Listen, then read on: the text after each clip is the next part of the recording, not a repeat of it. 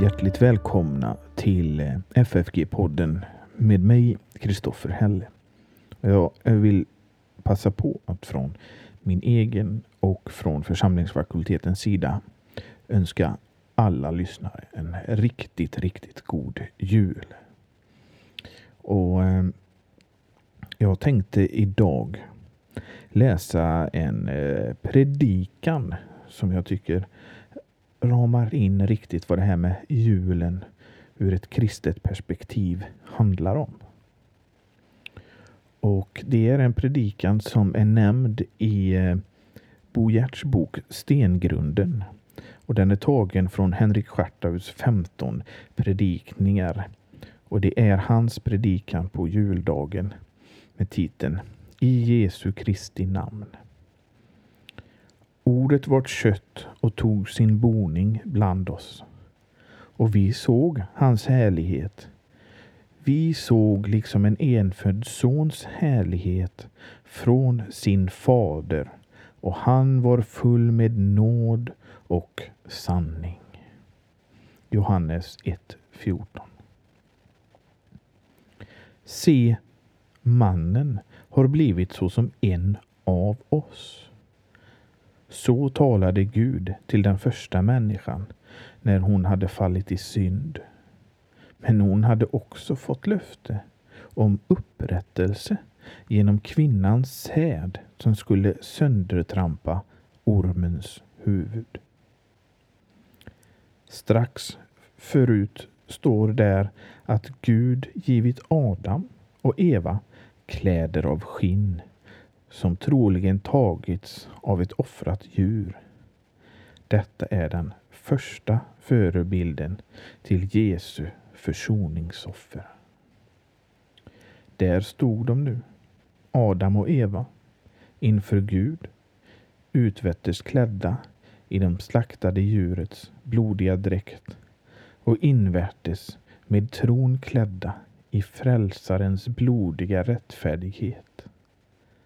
Hans som i tidens fullbordan skulle få utge sitt liv i döden och låta sitt blod rinna. Gud liksom pekar på dem och säger Se, mannen har blivit så som en av oss. Första Mosebok 3.22. Gud talade inte så av förakt för dem Ty det är under hans, under hans värdighet att begabba en olycklig, inte heller som en förebråelse. Han hade ju redan utsett en hjälp som så helt skulle bota skadan att det inte ens skulle bli plats för en förebråelse. När Gud skulle försona världen med sig själv ville han inte förebrå dem deras synder. Nej, Gud talade då som alltid av kärlek. Människan ville bli Gud lik på ett sätt som hon inte kan bli. Det och hade därigenom störtat sig i fördärvet. Men Gud förbarmade sig över henne. Genom ett annat medel och på ett annat sätt gjorde han så att människan kunde återvinna och nå en sådan likhet med Gud som är möjlig. Människonaturen skulle förenas med en av gudomsväsendet. En människoson skulle bliva Guds son. Frälsarens mänskliga natur skulle bli upphöjd till Guds majestät och fullkomlighet. Liksom Johannes döparen pekade på frälsaren och sade Se, Guds lamm, så pekade Gud på Adam och förebildade den andre Adam, Kristus. Så visar Gud på gudaktighetens stora hemlighet, att Gud skulle bli uppenbar i köttet. och säger Se, mannen har blivit som en av oss. Men liksom människonaturen i Kristus har blivit delaktig i gudomens majestät så har Gud i Kristus tagit del i människonaturens egenskaper och förenat sig med den. Alltså får vi tillämpa orden på oss själva och säga om Kristus. Se, Gud har blivit som en av oss. Om detta handlar predikan denna juldag. Gud har blivit som en av oss. För det första, Gud har blivit som en av oss. För det första har han blivit det till sin person. Texten säger det. Ordet vart kött. Det självständiga ordet som var Gud själv blev kött, det vill säga människa. Gud, vars väsen vi inte kan fatta, har uppenbarat sig så att man kunde se honom som vilken människa som helst. Men var och en som ville se och tänka på vad han såg kunde förstå att i honom var mer än den förgängliga härlighet som stackars människor kan ha. Vi såg hans härlighet så som en enfödd sons härlighet från Fadern. Den oändlige guden som inte har några gränser och är fullkomlig utöver alla mått. Han har förenat sig med en begränsad varelse som har döden till sitt mål och vars tid Gud mäter ut. Han, den evige, som var i begynnelsen, han som av evighet är Gud, han började vara en människa när ordet blev kött. Gud, den allsmäktige som har skapat allt, har blivit ett med oss människor. Och han själv skapat av intet. Ty utan honom har intet blivit till som är till. Han, i vilken livet är och som ger allting liv. Han har börjat sitt liv som människa och slutat sitt liv med att dö som människa. Ty ordet blev kött. Om Jesus som människa gäller samma villkor som för oss. Allt kött är hö. För det andra har Gud blivit som en av oss genom att han bo, bodde ibland oss och umgicks med människor. Han hade det så som vi har det i världen. Han höll till godo med de torftiga förhållanden som är människors lott, människornas lott. Innan han föddes hade han varit allstädes närvarande. Men nu skulle han bo ibland oss som en människa. Hans första boning var ett stall. Sedan bodde han i en snickares hydda. Till slut var han som en bostadslös. Rävarna har kulor och himlens fåglar nästen. Men Människosonen har ingenstans där han kan vila sitt huvud. Ändå fann han sig i att leva bland människor i över 30 år. En del människor slutar levnadsdagen långt innan aftonen kommer. För andra varar livet i 70 eller 80 år om det blir långt. Han nådde vad som då var livets middagshöjd. Än vistades han under bar himmel som på resan till Egypten, där han bodde en tid som främling. Än bodde han i Nasaret bland ogudaktiga. Än var han i ödemarken eller på berget. Ägnade natten åt bön. Än var han på havet då han sov i båten. Till slut lades hans kropp i en grav och hans själ gick in i det eviga fridens hyddor. Med ett ord. Det finns inte ett mänskligt livsvillkor som han inte delat. Men fast han var en människa som vi var, han dock ingen syndare som vi. I utvärtes motto befanns han vara som en människa.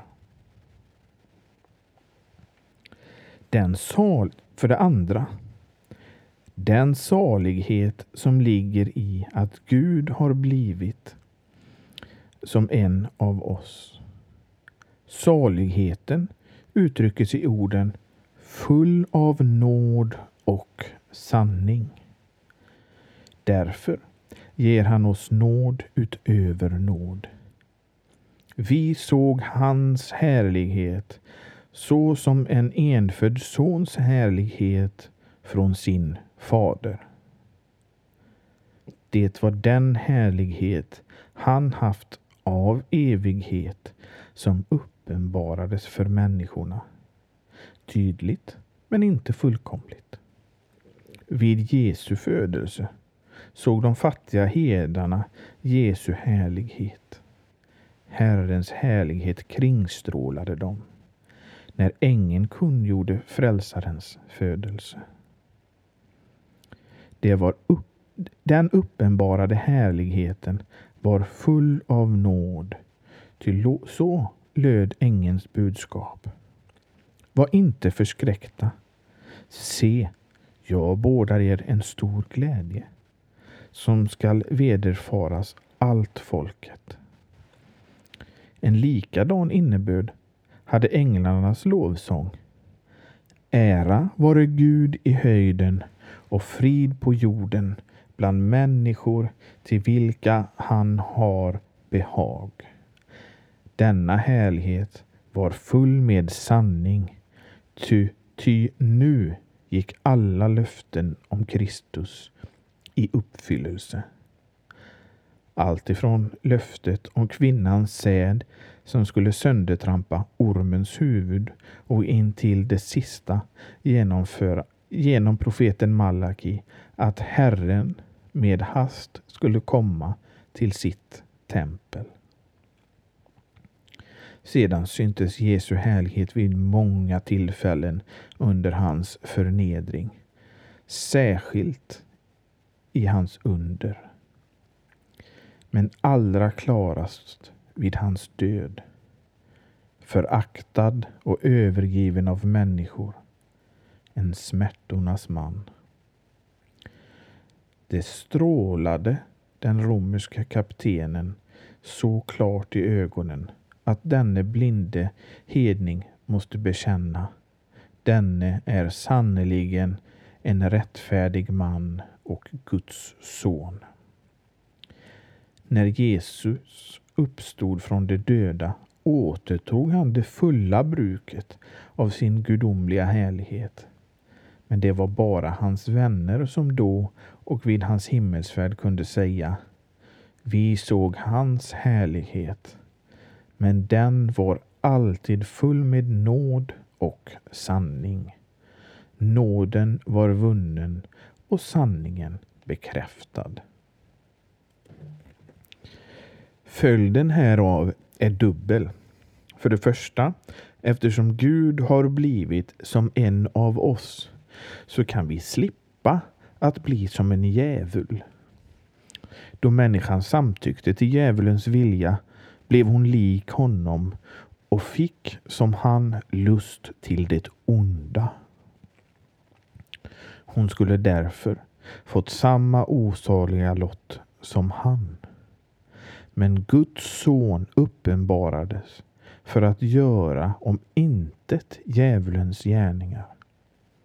Han fullgjorde vad vi borde, tog på sig vårt straff och var sin fader fullkomligt lydig. När Guds ande med ordet för en människa, för en människa till Kristus så blir hon fri från djävulens övermakt och från det förtjänta eviga straffet. Ty då nu barnen hade blivit delaktiga av kött och blod blev också han på ett liknande sätt delaktig därav.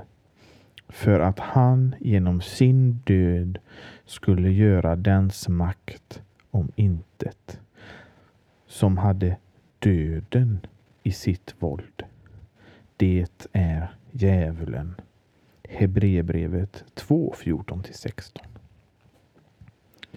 Och den andra följden är eftersom Guds son blivit en av oss så kan vi bli delaktiga av Guds natur. Guds son som är Faderns härlighets återsken och hans väsens rätta avbild har blivit vår broder oss lik. Därför kan den förlorade gudslikheten åter upprättas hos oss och vi blir Guds sons avbilder honom lika. Han måste i allt bli lik sina bröder för att han sk skulle bliva barmhärtig och en trogen överstepräst inför Gud till att försona folkets synder. Hebreerbrevet 2.17. Den som inte visste av någon synd, honom har Gud för oss gjort till synd för att vi i honom må bli rättfärdighet inför Gud. Andra Korintierbrevet 5.21. Och den som har nått en sådan likhet med Kristus når en ännu större likhet med honom på hans tillkommelses dag. Mina älskade, vi är nu Guds barn och vad vi skall bli är ännu inte uppenbarat. Men det vet vi, att när han en gång uppenbarades skall vi bli honom lika. Ty då skall vi få se honom sådan han är. Första Johannes 3.2 Denna högsta likhet med Kristus sträcker sig då även till de trognas kroppar. Han skall förvandla deras förnedringskropp så att den blir lik hans härlighetskropp genom den kraft varmed han kan underlägga sig allt. Filipperbrevet 3.21. Kära lyssnare. Kan vi nu säga som Johannes, vi såg hans härlighet. Men hur skulle den blinde kunna se? Eller den sovande? Därför fattar du ingenting av denna nådes härlighet. Du känner inte den salighet som ligger i att Gud har blivit som en av oss. Du vet inte av någon annan glädje än att leva för egen lust och jordiska nöjen. Du förspiller dina nådesdagar i det osaliga tillstånd som Jesus kom för att frälsa dig ifrån. Han har blivit som du för att du inte skulle bli som djävulen. Men du har brutit det förbund som Gud ingick med dig i dopet och givit dig i Satans tjänst. Så att det är hans sinne du har och hans vilja du gör. När du står emot Gud och ger synden fritt lopp så liknar du djävulen. Ty den som gör synd, han är av djävulen. Då har du framför dig detsamma som han. En förskräcklig väntan på dom och glöden av eld som skall förtära motståndarna. Hebreerbrevet 10.27.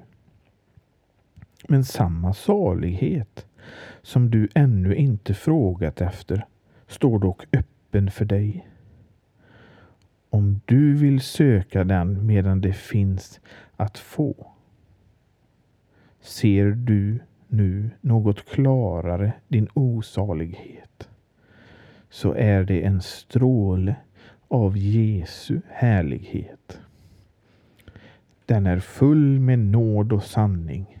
Låt Guds ord lära dig mer av den himmelska sanning som börjat klarna i dina fördunklade tankar. Den kraft av Guds ord du känner tränga in i ditt hjärta, det är nåd, den första nåden. Ta emot den. Bed att få mer. Ta vara på det du fått så att det inte förspills. Någon säger jag är väl inte alldeles blind, men jag ser inte Jesus nådes härlighet. Jag ser bara mina synder och ser att jag är värd att fördömas. Gud vare lov att du fått se så mycket. Det är en god början. Fortsätt att be som David. Öppna mina ögon så att jag kan se undren i din lag. Saltaren 119.18 Se med hjärtats begär efter Jesu härlighet som han uppenbarat i sitt ord. Den nåd och sanning som har kommit genom Jesus Kristus. Då kommer den stund då du med de trognas församling kan säga vi såg hans härlighet så som en enfödd sons härlighet från sin fader full med nåd och sanning. Din osalighet och nöden som du känner har Guds son tagit på sig. Han har blivit lik dig för att hjälpa dig ur nöden till, det, till den stora härligheten, härligheten att likna honom. Det är just på sådana som Jesus vill och kan uppenbara sin härlighet. Den barmhärtighet han bevisar och den salighet han skänker länder dig till godo och honom själv till pris. Kanske finns här också någon som kan säga i det klara ljuset av Herrens bud såg jag min förvända levnad, mitt fördärvade hjärta och straffet jag förtjänat.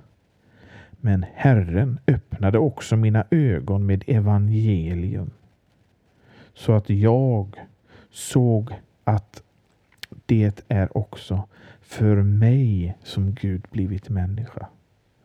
Guds son blev behandlad som syndare för att jag skulle bli rättfärdig som han, lik honom, redan nu och till sist i evig ära och härlighet.